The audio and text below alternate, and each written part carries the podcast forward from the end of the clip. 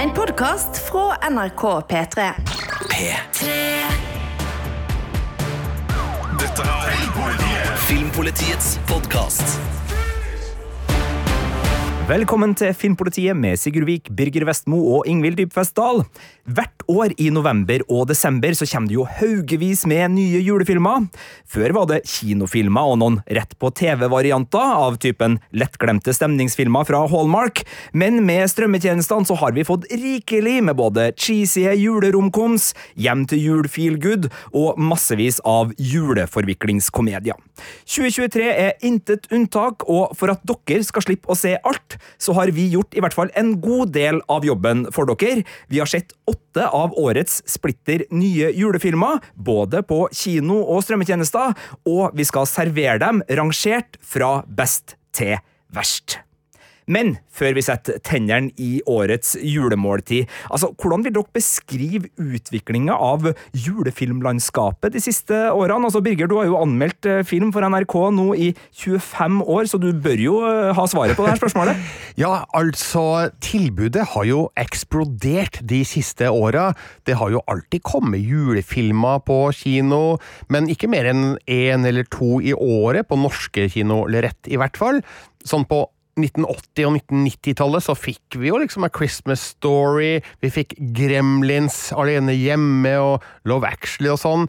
Alltid vært én eller to svære juletitler på kino, men nå har jo tilbudet på strømmetjenestene bare skutt virkelig seriøst i været. Det her har jeg nemlig gjort litt research på, og bare i USA så har det i år kommet over 100 nye julefilmer. Altså 42 av dem bare på den ene strømmetjenesten Hallmark Channel, som også er en TV-kanal. Noen av de filmene når jo også norske TV-skjermer, men ikke alle. Jeg fant en artikkel på internett eh, på noxnews.com om ei amerikansk eh, dame som heter Tiger Glauser Nicholas. Hun har satt seg som mål å se alle nye julefilmer i år, og hennes eh, spreadsheet på Google Docs ligger åpent ut for alle som vil se, og eh, tallet er nå 105 nye filmer, og det her er bare amerikanske filmer på, eh, ja, som sagt, Hallmark, også eh, på eh, Plex og eh, Great American Family er det en tjeneste som heter. Du har Hulu og Lifetime, og alle de her spekulerer jo i litt enkle og billige julefilmer med lavt budsjett, og som ofte følger litt av den samme oppskrifta, kan man vel si. Nå, nå har ikke jeg noe stor erfaring med å se julefilmer fra f.eks. Hallmark, men du, Ingvild, har vel kanskje sett litt mer enn det jeg har gjort, da? Jeg er jo glad i å se julefilm både på kino og på nett, eller der jeg får tak i det. DVD òg, for den saks skyld. Jeg som eh, ikke har fått meg Blu-ray-spillet før i år. Unnskyld, ikke si det høyt til noen. Ikke til Birger. Eh, men jeg vil jo si, det er jo som du sier, eksplodert på strømmetjenestene. Samtidig så har det jo vært en sånn selvforsterkende effekt også blant kinofilmer, da. Jeg syns det er interessant at Samtlige av de fire filmene som fikk tilskudd av Norsk Filminstitutt etter markedsvurdering i desember i fjor, var julefilmer. Altså det vil si at neste år igjen kan vi vente oss kanskje fire norske kinofilmer til jul, hvis alle kommer da, da. Det vet vi jo aldri. Det er blant annet eh, Henrik Dalsbakken, Lisa Gamlem og en ny runde Reisen til julestjernen vi har i vente der. Eh, og så liker jo jeg at vi har fått flere norske bidrag, både på serier og på film, som Hjem til jul på Netflix. Det er noe koselig Julestorm var vel fjorårets ja, flyplassbaserte juletilskudd på Netflix? Det, ja. og, og, du har en i år òg, som vi skal komme til litt senere på, på, lista. En av de åtte er en norsk ny Netflix-julefilm. Ny norsk Netflix-film. Netflix det syns jeg er bra. Samtidig vært kanskje litt vel ugresslignende vekst, og jeg tenker at litt mer luking kan være bra for seerne både i inn- og utland. Jeg synes jo uh, den der Hallmark-filmen som vi har vært inne på nå, som er, altså Hallmark er jo en postkortprodusent, så det å kalle det julepostkortfilmer er vel ganske riktig. Og som du sier, Birger, ofte da kjent med ikke lavt budsjett, men et uh, overkommelig samlebåndsbudsjett, uh, som gjør at de er lett å produsere. vi skal jo til en Hallmark-film som er lagt til Norge i denne podkasten, fordi My Norwegian Holiday er ute på TV2 Play og skal selvfølgelig inn i den rangerte lista. Men for meg så har jo Netflix også på en måte tatt over litt som, i hvert fall her i Norge, den store leverandøren. Eh, Du snakka jo om veldig mange amerikanske strømmetjenester her, Birger, men siden Juleprinsen, er det vel i 2017, så syns jeg jo også Netflix har dekorert skjermen sin med veldig sånn glossy julestemning, og kanskje tatt Hallmark-tradisjon et steg videre, og gjort det kanskje enda litt mer cheesy, enda litt mer tacky, enda litt mer uh, spraglete og, og, og fargerikt på skjermen, og, og dyrka den der Folk vil vel ha julestemning? og det er jo nesten sånn uh, du, kan, du kan bare liksom sette deg ned og se rødt og grønt og gull og glitter i, i alle kanaler, og gjerne da krydra med en enkel historie. Det er jo åpenbart at de store strømmetjenestene som vi har tilgang til her i Norge, de ser også på julefilmen som et viktig redskap i å nå nye abonnenter. Du nevnte Netflix. Eh, Prime Video har jo da Candy Cane Lane med Eddie Murphy som en av sine store satsinger i år. Den skal vi komme tilbake til litt senere. Men det sier jo sitt at de, de fløy noen norske journalister over til Los Angeles, til Four Seasons Hotel for at de skulle delta på pressekonferanse med Eddie Murphy for denne filmen. Eh, det er sånn som vi i NRK ikke er med på, for det her er kjøpt og betalt journalistikk. Eh, men, men det at de bruker så mye penger på eh, markedsføringa av en rett på strømmefilm, det er jo rett og slett et tegn på at dette er viktig for Prime Video. Det er uh, mange om beinet. Vi har uh, nevnt TV 2, vi har nevnt Prime Video, vi har nevnt Netflix. Disney Pluss har også øh, strømmefilm i, i, julefavoritter, og så er det noen, noen, kino. Så det er åtte filmer som vi nå skal igjennom og gi vår rangerte dom fra best til verst, for det er vel kanskje vel så spennende hvem som er verst i årets juleavling. Vi får se. Jeg må bare si at denne undersøkelsen og lista er ikke fagfellevurdert på noe som helst vis, for vi har ikke rukket å se alle sammen, alle sammen, så her er det litt forskjellige stemmer som har sett de ulike filmene, og så skal, har vi liksom sittet på bakrommet, eller på kontoret, som det også heter, og, og prøvd å funne ut liksom hvordan skal vi bli enige om rekkefølgen her. Vi skal starte med den som da har havna på topp som den beste, og det er en film som er på kino, som har mye norsk i seg. Og Birger Vestmo, There's Something In The Barn. Det er helt korrekt. Den storkoste jeg meg med da jeg så den på kino i november. Den hadde jo da premiere 10. november. De fleste julefilmer kommer jo litt vel i tidligste laget for en del, men den går fremdeles godt på kino. Og det her er altså en norsk film, til tross for en engelsk tittel, og sjøl om dialogen stort sett foregår på, på engelsk. Regissøren er Magnus Martens, som eh, blant annet er kjent for filmen Arme riddere. Det er vel den eneste filmen han har laga, bortsett fra den her nå, da. I mellomtida så har han eh, blitt eh, et navn i TV-bransjen, med episoder i bl.a. Twelve Monkeys, Luke Cage, eh, Agents of Shield og Fear the Walking Dead. Eh, There's Something in the Barn spiller jo helt åpenbart på Gremlins, altså Joe Dantes klassiker, ja, vi må kunne kalle den det, ja, fra 1980 fire. Den hadde jo da noen søte monstre som du absolutt ikke måtte fòre etter midnatt, og som ikke kunne få vann på seg. Eh, det er også noen regler inne i bildet i There's Something In The Barn, men der er de søte monstrene fjøsnissa. Eh, det er altså en historie rotfesta i eh, norsk julefolklore, det her, da. Men det handler jo om en amerikansk familie som kommer til Gudbrandsdalen, ehm, og en gård de har arva. De eh, har da bestemt seg for å starte et nytt liv i Norge, men eh, rett etter at de har flytta inn rett før jul, så oppdager jo familien at eh, de har en fjøsnisse på låven. Yngstemann i familien har da allerede fått servert hvilke regler som gjelder for behandling av fjøsnissa av en nordmann nede i bygda, men disse reglene blir jo brutt én etter én, og mm, denne fjøsnissen blir arg. og det fins flere fjøsnisser i området som eh, blir arg på vegne av denne fjøsnissen. Og eh, denne familien må rett og slett eh, kjempe mot en invasjonsstyrke med fjøsnisser som resulterer i en del ganske blodige scener. Det her er en komedie først og fremst. Så sjøl om eh, det er litt gore inn i bildet, så er det mest av alt humor. Og, og da mener du Gore som i det engelske ordet, og ikke bondegård? eh, eller er det bondegård? riktig. Ja, ja. Det, det, det er gørr. Unnskyld. ja, ja. Gørr. Men eh, det er morsomt. Det er humor. Jeg, jeg ler massevis, og jeg blir underholdt. Det er en trivelig film, sjøl når den er litt skummel. Og disse fjøsnissene vi ser i filmen, de er veldig godt, skal vi si, maskert. Det, det er ikke ekte fjøsnisser de har brukt, men eh, de har brukt eh, kortvokste skuespillere som er blitt eh, maskert etter alle kunstens regler. Det, ser veldig bra ut. Og så er filmen full av julemusikk og juledekorasjoner, som er av det litt glorete slaget, sånn som vi liker å se på film. Og ikke minst så har filmen en veldig viktig ingrediens som veldig mange andre julefilmer ikke har, nemlig ekte snø. Amerikanske julefilmer er ofte prega av eh, sånn puddersnø du med en gang ser er fake, men snøen i There's Something In The Barn, så vidt jeg kan se, er ekte. Hvis den nå viser seg å ikke være ekte, så har de i hvert fall greid å lure meg, og det er i så fall godt gjort, for jeg pleier å være ganske flink til å spotte fake eh, snø. Det er et godt eh, skussmål å ha, og en fin egenskap som filmkritiker. Ingvild, du har jo også vært på kino og sett eh, There's Something In The Barn, og eh, det er jo dere to som står for førsteplassen her. Jeg regner med du, du er enig med Birger i, i dommen? Jeg skriver under på den dommen. Jeg koste meg skikkelig mye. Jeg så den jo i en kinosal med masse andre mennesker som lo skikkelig godt. Og det var vel med på å høyne opplevelsen for min del også.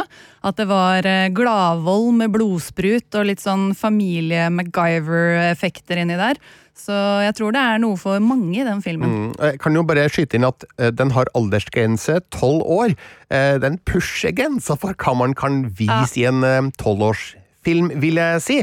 Men det er jo fordi at, som du sier, Ingvild, det er, det er gøy. Man ler. Det er humor. Det er ikke noe som man trenger å ta seriøst. Så sjøl når noen kanskje muligens mister livet i løpet av filmen, så, så er det ikke noe som du skal liksom eh, bli veldig eh, emosjonelt berørt av. Nei, men eh, altså, det er, kan være skummelt, tenker jeg, for tolvåringer. Så tenk gjennom det før du tar med kiden på kino. Familieforbrukerjournalistikken eh, til filmpolitiet der, altså. Eh, Vi har jo eh, selvfølgelig muligheten til å, å eh, gjøre to sånne små oppsummerende saker på, på hver film nå, eh, så da må jeg eh, si selvfølgelig at vi må ha en terning, og den vet jeg jo hva er, for du har jo anmeldt det her til en, en solid firer på terningen, Birger. Ja, det er en god firer. En, en fire pluss, hvis det går an å si. Og den anmeldelsen ligger ute på p3.no filmpolitiet. Og så er det jo også sånn at vi tenker vi kan hive inn i en sånn uh, Se den her hvis du liker så Du trenger ikke å nevne andre filmer her, men altså hvilket sjangerlandskap er det man skal trives i hvis man skal begi seg ut på låven eh, denne gangen? Ja, altså, da, da er det enklere for meg å, å, å name-droppe noen filmer. Ok, da, kom igjen da. For eksempel fjorårets Violent Night fra Tommy Wirkola, som jo var en utrolig morsom um, action-julekomedietriller, men med enda grovere effekter, da må sies, enn i There's Something In The Barn. Og så har jeg jo allerede sagt Gremlins, som jo er um, kanskje foregangsfilmen i akkurat den sjangeren her, men se også den finske Rare Exports for en veldig alternativ fremstilling av eh, julenissen. Ganske blodig og groteskt eh, der også. Det er gode eh, filmtips å ta med seg inn i valget. Eh, det er jo sånn at eh, det her er en eh, kåring hvor vi har vært uavhengige, og, og vi er ikke sponsa av Norsk Kinodrift, eh, men eh, like fremt. eh, den andre filmen, andreplassen, er også den andre kinojulefilmen, Birger. Det her er nok en film du har anmeldt. Den første julen i Skomakergata. Ja, den eh, kom jo da faktisk eh, på samme dag som There's Something In The Barn, 10. november, og når vi spiller inn denne podkasten, så har den blitt sett av ca. 270 000 nordmenn på kino, og det er fremdeles litt tid igjen til jul, så her snakker vi nok om en av årets eh, store publikumssuksesser. Men det var jo lett å spå på forhånd, fordi Skomakergata er jo en kjent og kjær merkevare, hvis vi kan si det på den måten. Det var jo én sesong. Det var en julekalender på NRK i 1979, men den har gått i reprise veldig mange ganger. Jeg har jo eh, gløtta litt innom Skomakergata-serien de senere åra. Prøvd å vise den for mine egne barn og sånn opp igjennom, men den har jo virkelig ikke tålt tidas tann, den serien. Den er utdatert på alle mulige måter, og det er jo nesten sånn at det ikke hjelper med et nostalgisk blikk engang. Så her hadde jo egentlig filmen alt å vinne, og det, det, det gjør den. Den vinner fordi det er en veldig fin filmatisering av Skomakergata, som har fjerna seg fra det her litt trauste og treige som serien kanskje står for i dag, da når vi ser det med et moderne blikk, og den forteller en forhistorie til hvordan Jens Petrus Andersen ble en glad juleskomaker, for det er han ikke når vi møter han i denne filmen, spilt av Kåre Konradi. Han er rett og slett en eremitt som ikke går ut av huset sitt, men så kommer jo da Stine til Skomakergata. Hun er på rømmen fra noe eh, som skal avsløres i løpet av filmen. Hun søker ly i skomakerbutikken hos eh, Jens Petrus Andersen, påstår at eh, faren hennes skal komme og hente hun nå hver dag, eh, som Any Day Now, som det heter, en av de første dagene, eh, så eh, er det ikke sikkert at eh, det egentlig er helt sånn det henger sammen, men eh, filmen viser i hvert fall da hvordan eh, Stine, spilt av Kaja Ekerholt eh, McCurley, og skomaker Andersen, eh, på tross av en vanskelig introduksjon, oppnår et slags fellesskap da, i hverandre. Eh, Mikael Hovland regissøren eh, bak det her. Han er jo kjent for eh, seriene Blank og Kongsvika, og jeg syns at han har skapt en veldig hyggelig film, som selvfølgelig kjører et trygt løp. Det tas ikke kjempestore sjanser, og det er vel heller ikke det man hadde forventa av denne filmen. Så det her er en eh, familieklassiker eh, in the making, som jeg tror at eh, vil spenne over et ganske bredt alderssegment. Eh, Det at den kjører et veldig trygt løp, gjør at jeg heller ikke kan slå til med den aller høyeste terningen, eller den nest høyeste, men en hederlig firer, det syns jeg den første julen i Skomakergata har fortjent. Og da er det jo nærleggende å tro at se den her hvis du elsker familiejulefilmer, og kanskje har et nostalgisk øye til eh, julekalenderen Jul i Skomakergata. Da er jeg sånn cirka på, på riktig banehalvdel da? Du er det. Jeg kan kanskje nevne til slutt at eh, det blir litt dramatisk eh, mot slutten av filmen. Eh, Det, det er da en seks års aldersgrense her, så de aller, aller yngste barna eh, trenger kanskje ikke å se den. Eller man bør i hvert fall være obs på at det kan være litt nifst hvis man har veldig små barn eh, eller søsken som man vil ha med på kino. Tredjeplassen på Filmpolitiets kåring over årets eh, beste julefilmer, altså filmer som er ny av 2023, det er en strømmefilm eh, på Netflix som heter Familieforvekslingen, eller Family Switch hvis du har engelsk innstilling på din Netflix-konto. En komedie med Jennifer Gardner og Ed Helms i hovedrollene som to eh, foreldre i, en idyllisk forstad med tre barn og en hund, og ja, livet er sånn eh, cirka ganske sånn som amerikanske filmfamilier pleier å være. Eh, men så skjer det da en ting, for de driver og krangler litt, og, og, og de har jo stress alle sammen, ikke sant? Tenåringsbarna, de har skolepress, sønnen skal kanskje komme seg inn på et prestisje-college, dattera er fotballspiller, og det skal komme en trener for landslaget og se på en kamp, så der er det ganske mye. Eh, mor som eh, har en, en jobbpresentasjon som kan føre til at hun blir forfremma, eller eventuelt får sparken hvis det går galt. Og så er da far også litt sånn ja, altså Han har et band. Han pleide å spille i et skikkelig bra band, og så har han starta et nytt et sammen med andre fedre, og de har en drøm om å få spille på en eh, julekonsert som kan gi dem en ny sjanse til berømmelse. I denne trykkokeren så skjer det et plutselig magisk lite juleuhell hvor kroppene byttes. Altså, det her har man sett i Big, det her har man sett i Freaky Friday, i 13 Going on 30 osv.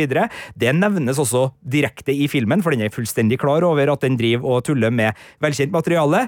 Eh, og da har man da greia med at mor og far er tenåringer og må klare fotballkamp og skoleintervju, og tenåringene må da klare eh, bandøving, og det er litt vanskelig når eh, sønnen har sceneskrekk, og ikke minst da en jobbpresentasjon som er snedig. Eh, kroppene blir selvfølgelig en vesentlig ting her, for det er jo ikke alt en tenåring gjør med kroppen sin som mors kropp nødvendigvis tåler. Eh, flatulens, hei sann, sveisann, på deg sann. Uh, juleflatulens er jo hyggelig. Uh, og forviklinga oppstår selvfølgelig. Det er ikke så mye mer å si om handlinga, fordi den foregår i et mønster veldig mange kjenner. Det er veldig mye kul musikk her, syns jeg. Altså Weezer, bandet som i hvert fall jeg er veldig glad i, de dukker opp både som band, og vokalisten har også en birolle her. Det er Blink 182 på soundtracket, det er Supergrass på soundtracket, så hvis du er glad i 90-tallsrock, så sørger denne filmen for at du får en del av det. Og så er det jo også ja, Vi har vel kalt den den minst dårlige Netflix-julefilmen i år, Ingvild. Du har jo også sett den her, og den treffer vel sånn tålelig greit med både eh, situasjonskomikk og skuespill og en del sånn teite påfunn som gjør at den er ikke veldig minneverdig, men den er helt grei som sånn førjulskosefilm. Ja, jeg, altså jeg kan se denne om igjen. Uh, hvis du bare trekker fra Jeg synes det er noe forferdelig i miksen mellom Ikke for å spoile for mye, men det kan jo hende babyen og hunden får en slags form for eh, miks også. Body swap, body swap, body swap. swap. og der er det noe forferdelig CGI som jeg bare fikk meg til å jeg hadde lyst til å skru av. Men så holdt jeg ut, og jeg, jeg ble underholdt av denne. Jeg kjenner at jeg nå i ettertid, spesielt etter at jeg har sett alle de andre, tenker ja, det var jaggu en lystig opplevelse å se den. Det er en eh, god oppsummering, og eh, jeg ser den er vel ned på femtallet på, på IMDb, så det er jo ikke alle som er helt enig med oss, eh, men eh, sånn er nå en gang det her. Den har 83% som likte filmen på, på Google, og ser jeg, så, så den, den ligger vel i det spennet mellom enten så bare nei, ikke i Ja, og så videre.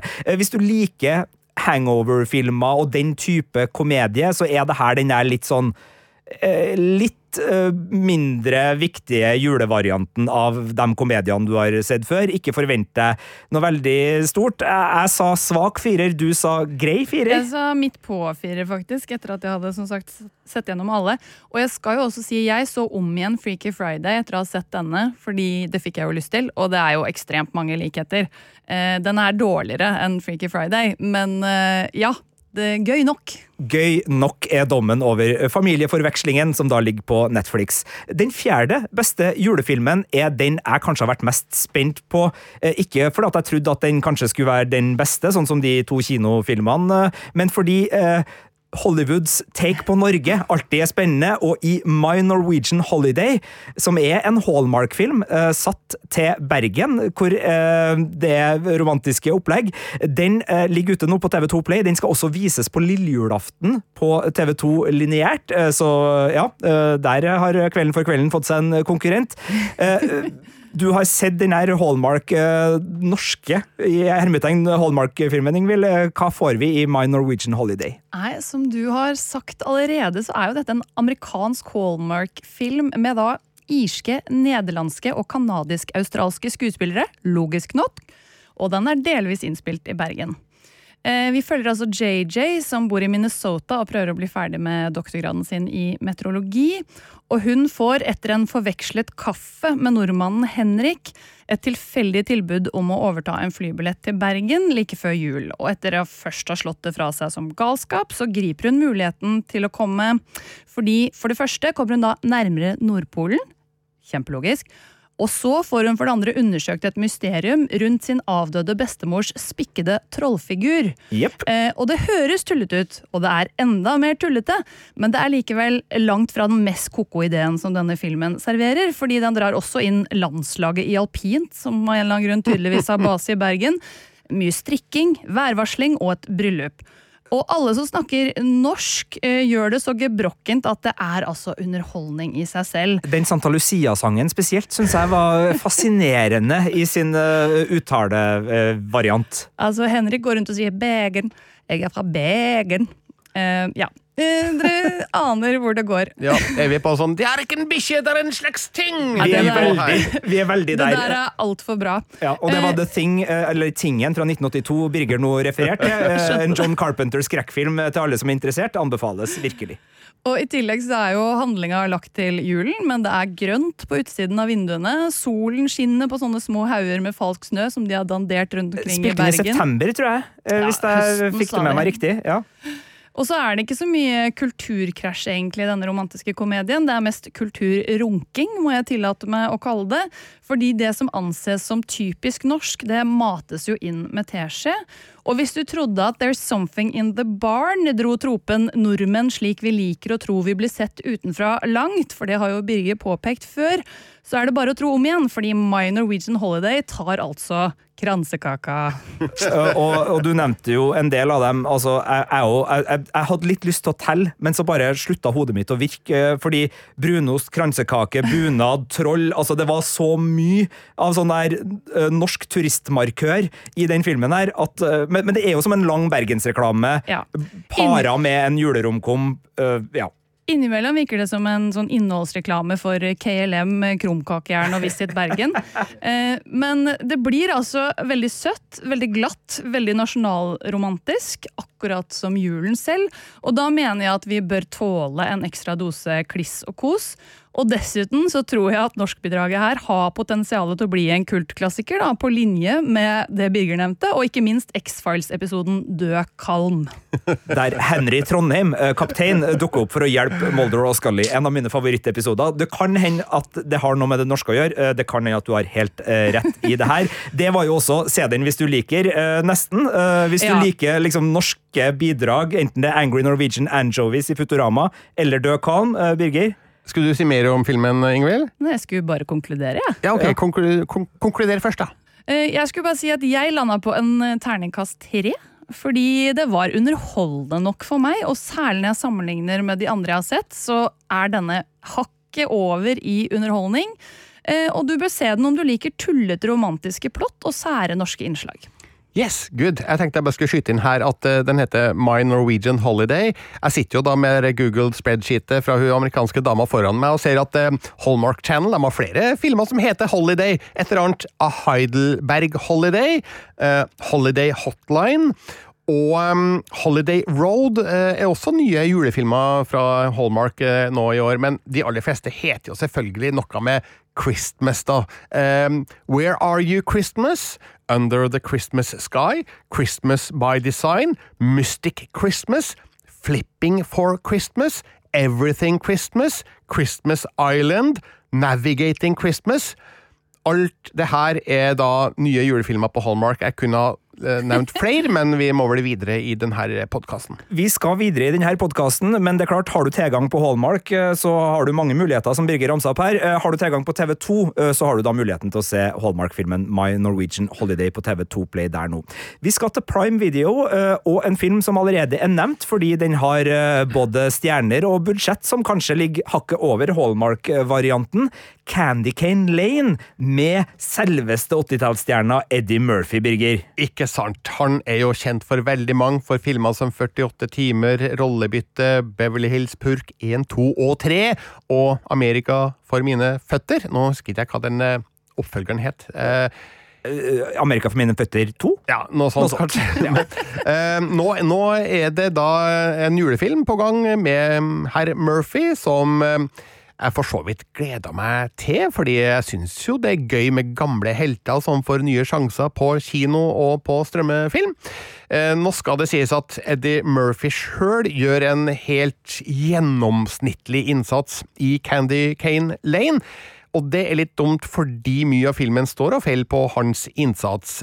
Han er ikke lenger den her brå, edgy komikeren som han en gang var. Han har blitt noen og 60 år, og har da kanskje lov til å være litt eh, nedfila i kantene sine, men eh, det gjør jo ikke sitt til at eh, filmen heves kvalitetsmessig. Og så blir jeg ikke helt tatt med i den fantasien som filmen fører oss inn i. Det er fryktelig mye juleglitter og julelys og, eh, og sånn, eh, av den overdrevne sorten som ingen av oss kunne tenke oss å ha i stua sjøl, eller på utsida, utsida av husene våre, sånn som i denne filmen, men det, akkurat den biten er litt morsom å se da på eh, film, sjøl om det her er da på skjerm og ikke på lerret. Men eh, det, den filmen er litt svakere enn jeg hadde ønska seg, da. Det handler om Chris, eh, spilt av Eddie Murphy, som har mista jobben sin, og det er rett før jul, så det er litt sånn unntakstilstand i familien, bortsett fra at han, han sier ikke det her til eh, sine tre barn, bare til kona si, for han vil ikke ødelegge den siste jula der alle barna bor hjemme. Den eldste i eh, familien, eh, altså av barna, da, skal da sannsynligvis flytte ut og begynne på college um, på nyåret. Men han trenger jo penger. Og så har gata han bor i, Candy Cane Lane, en årlig konkurranse. Eh, Og årets konkurranse blir ganske spesiell fordi en eh, lokal TV-kanal som arrangerer det her, har fått tak i en sponsor, eh, som gjør at førstepremien er da 100 000 dollar. Og hvis du syns det her høres ut som en sannsynlig konkurranse for eh, ei lita gate, så mm, Nei, det er vel kanskje ikke det. Men det er ikke der det mest usannsynlige er med den konkurransen. Det mest usannsynlige er at det er en lokal-TV som virker å ha kontinuerlig dekning av juleparaden og dens forberedelser. Sånn at du er liksom i et sånn der kontinuerlig mediesirkus rundt denne gata. Og jeg er jo enig med deg, for jeg har også sett den her, og jeg syns uh, den filmen som du nevner starten på her, det er jo en interessant, for der er jo sånn nabofeide. Han har en nabo som har masse sånn oppblåste nisser som han kjemper mot, og som er en gammel rival. Og jeg tenkte liksom sånn ah, det her blir spennende. Jeg så den en fredagskveld, jeg hadde øh, pizza og kosa meg. Men det er jo ikke filmen vi får, Birger. Nei, fordi jeg øyna jo også muligheten for en skikkelig nabofeide, og at eh, vi skulle gå imot en litt sånn alene hjemme-lignende komedie med mye slapstick og action. Det blir jo for så vidt mye slapstick og action, da, men på et helt annet plan, fordi eh, Chris eh, skal jo da prøve å få tak i en juledekorasjon for å vinne denne konkurransen.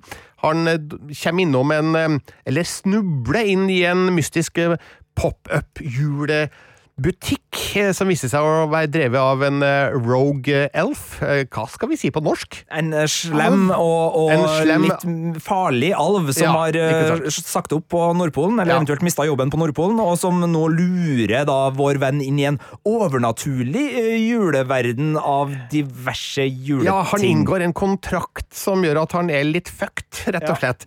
Eh, og der er det flere Hvor mye skal vi avsløre? Nei, vi, vi skal kanskje ikke si noe mer, men, er men det blir noen, veldig eh, rotete. Ja, det, det er noen eh, figurer involvert etter hvert her da, som gjør at eh, Chris får store utfordringer med å vinne denne konkurransen, eller i det hele tatt å komme i land før jul med det aller meste. Eh, nå går filmen for heseblesende situasjonskomikk eh, i hele siste halvdel, og jeg, men, men problemet er vel at jeg syns ikke alt var det var ikke spesielt morsomt, det var bare heseblesende. Og der syns jeg filmen mista litt av sin tråd, og den roter bort anledningen til å faktisk gi oss eh, sprek julehumor, sånn som Eddie Murphy ville ha gjort for 30 år tilbake. Ja. Uh, den er jo uh, anmeldt til en uh, sånn så vidt treer på terningen, hvis jeg husker din din dom riktig. Ja, jeg har ikke egentlig rangert treeren. Nei. Altså hvor på terningkast tre Candy Cane Lane ligger, men eh, det er i hvert fall ikke tre pluss, det er kanskje tre til tre minus. Det er der den ligger. Og det er klart, øh, hvis du elsker Eddie Murphy, så får du en del Eddie Murphy her, sjøl om det er en mild og litt blass utgave av den gamle rappkjefta komikeren.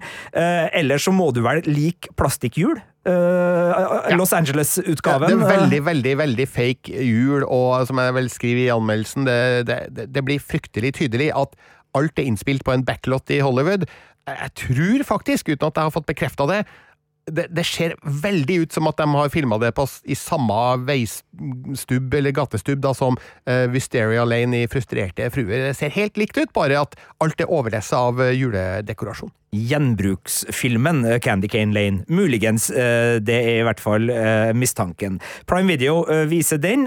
Vi skal holde oss på strømmetjenester over på Disney Pluss, for dem skal ikke være noe dårligere enn sine gode kollegaer, og der er det Dashing Through the Snow, som vi har kalt den sjette beste nye julefilmen i år. Eh, Ingvild, det her er det du som har sett, og jeg vet at Ludacris eh, er en eh, sentral skikkelse her.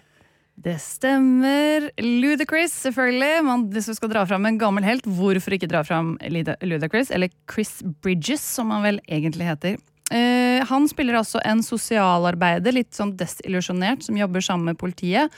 Han har ikke vært noe glad i julen siden han var liten. Jeg tror, eh, hvis jeg husker riktig, foreldrenes skilsmisse og et dårlig forhold til faren. Eh, så han sliter med å få den der julegleden, og så har han en datter som derimot er veldig glad i jul. Eh, Og mens han selvfølgelig tar med seg datteren på en, et oppdrag like før jul, eh, så snubler de over en fyr som kaller seg julenissen. Det tror jo selvfølgelig ikke han på, men datteren tror på det. Og så, um, parallelt med dette, så er det en gjeng skurker og en korrupt politiker som også driver og bryter seg inn i hus, og så blandes det inn med politiet, som da tror at eh, ja, er han julenissen, eller er han ikke julenissen? Det får dere finne ut av hvis dere ser filmen. Men de tror altså at han er en innbruddstyv, og så må vi finne ut av dette.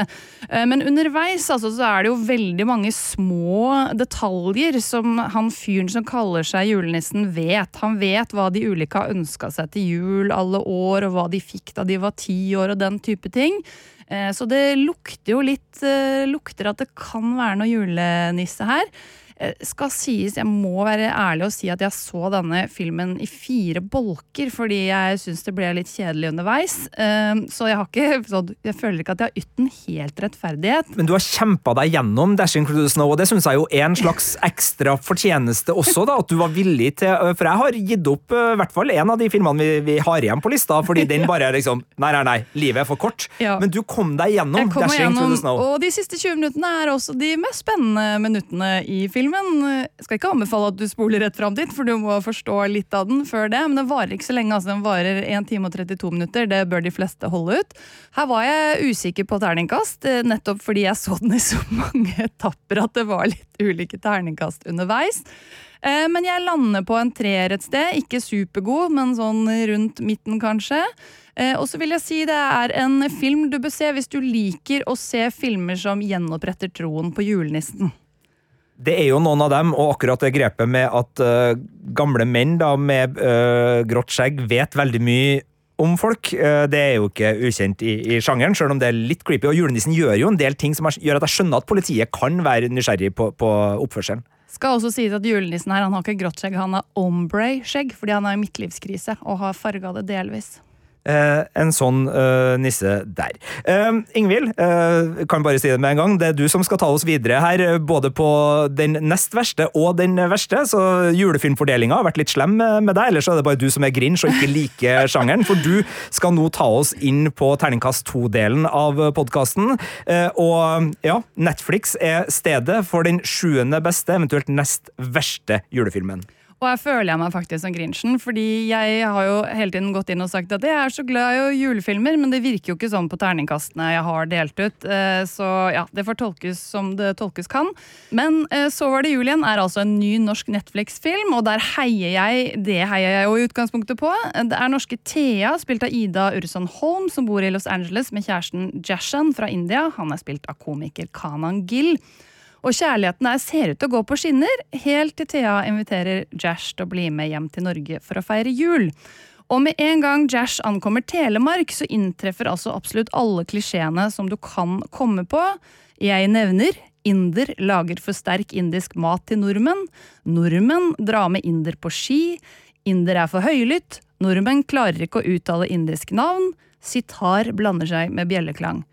Altså, så var det jul igjen, varer jo heldigvis under halvannen time. eh, Men på den tiden så rekker den å være både masete og veldig ukomfortabel, vil jeg si. Fordi flere av Theas familiemedlemmer de reagerer jo på at Jash er det de kaller spennende. Eh, Og når samtlige komiske situasjoner baseres på forventede kulturkrasj, så syns jeg filmen blir liksom som en eneste lang kulturkjedekollisjon, som du i tillegg ser komme. Og da blir det som da kunne vært et sånn lett, lettbeint skråblikk, eh, jeg syns det for ofte tipper over i ren eksotisme. Men på plussiden så ser Så var det julien, koselig ut. Eh, Den henger sammen i klipping. Den har mye snø som ser ut som snø. Det liker vi jo her i Filmpolitiet. Riktignok noen kontinuitetsproblemer med noe solnedgangsscene, men det kan vi, det kan vi tilgi. Syns også skuespillerne gjør en ganske god innsats. Vi har altså veteranen Marit Andreassen som spiller Theas mor. Eh, Vi har skuespiller nykommer Erik Follestad som spiller Theas bror. Og så har vi jevnt dyktige Mats Sjøgaard Pettersen og Jonas Strand Gravli som dukker opp i noen biroller. Men skuespillerne kan jo gjøre ganske lite innafor de rammene som de har til rådighet. Og jeg syns også den her ukomfortable stemninga altså blokkerer mye av julestemninga for meg altfor lenge. Men hvis du holder ut, så blir det jo en eller annen versjon av julepostkortstemning og litt sånn Love Actually-nikk også i denne.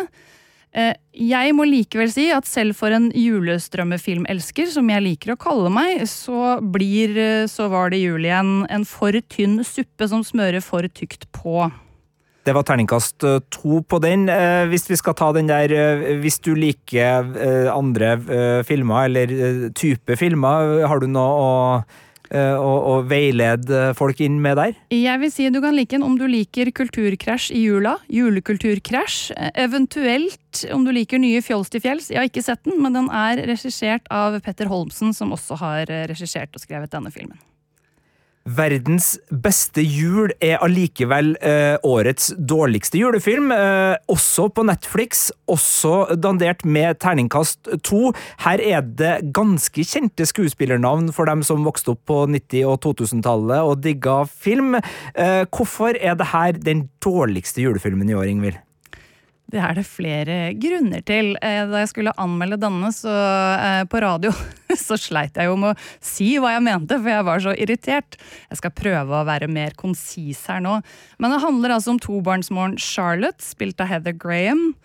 Som vi jo har sett i mye spennende på 90-tallet. Det var blant annet Boogie Nights, eh, husker jeg. Austin Power var hun innom, og ja da, hun var stor, hun. Eh, Men hun er altså misunnelig på en tidligere studievenninne, spilt av Brandy, altså artisten som eh, kom med en del R&B. Hun sender nemlig skrytende julenyhetsbrev. Jeg bare, Hvem driver med det i 2023? Men det gjør man tydeligvis i USA. Hun sender det i posten, og når jula kommer, så får eh, familien da, etter noen forviklinger mulighet til å feire hos nettopp skrytepaven. Og da får jo Charlotte mulighet til å undersøke denne påståtte vellykketheten. Eh, og så kjenner han på både sjalusi, misunnelse, og etter hvert eh, så tror jeg også vi kan se litt begynnende juleglede. Men jeg syns egentlig filmen kan oppsummere sånn som jeg skrev det i anmeldelsen. Eh, når det er skummelt kleint, og du tror det ikke kan bli kleinere, så blir det det. Og så synger Brandy litt innimellom. Det er egentlig det den filmen handler om. Ja, eh, jeg prøvde jo meg på den her, men etter eh, sånn cirka et kvarter så bare ga jeg opp. eh, Fordi jeg måtte ikke. Det var ikke jeg som skulle anmelde den, det var du. Så, så, så jeg, jeg kom meg rett og slett ikke videre i den filmen her. Og det høres jo da ut som om at det ikke blir bedre, fordi alt er bare sånn Det, det er så giddasløst i den filmen her. Det er så De har liksom ikke noe flid i håndverket når det gjelder driv og, og fortellerglede. Det er liksom bare sånn Ja, hva om sønnen eh, plotter inn eh, adressa i telefonen, og så havner de der på villspor? Ja, det kan vi gjøre. Men gjør det bra, da! Gjør det spennende! Gjør det til noe interessant! Nei da, det bare skjer. Og det er liksom overskrifta mi for den filmen der. Det bare skjer.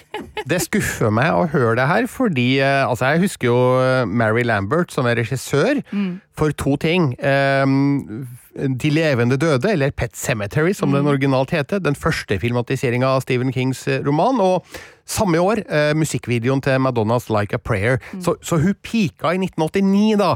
Det er tydelig at eh, ja, det har gått nedenom sånn kvalitetsmessig etter det. Men ja, samtidig kan vi jo si det er elementer av både musikk og skrekk i denne filmen også, så det tar jo på en måte litt opp den tråden. Men, men du ville jo ikke ned på eneren på den, så det, det er noen ting her som kan Og, det, og den har jo ligget ganske høyt oppe på Netflix sine lister. Det har jo kanskje mye med at den har blitt dytta i, i ansiktet på folk gjennom Netflix-skjermen, men altså, noe må det jo kanskje være her.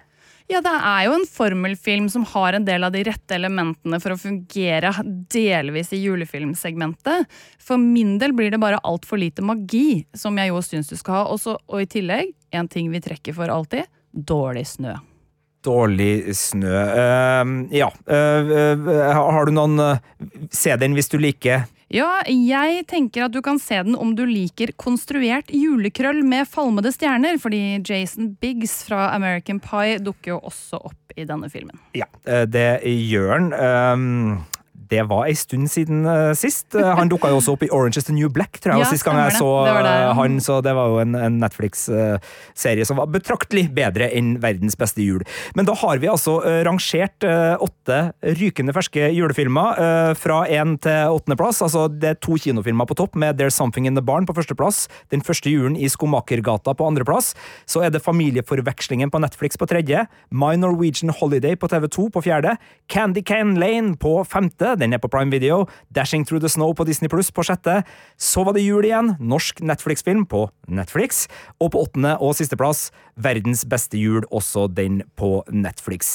Det er jo sånn at ø, julefilmer er jo ferskvare, sånn som vi har snakka om nå, men de er jo også klassikermateriale. Og hvis du går i appen NRK Radio og vil høre om filmer og serier vi faktisk elsker med jul i, så ligger selvfølgelig ø, Strøm deg i julestemning-episoden vår der, så der kan du finne bedre eh, filmer og serier enn de vi har snakka om nå, i hvert fall en del av dem.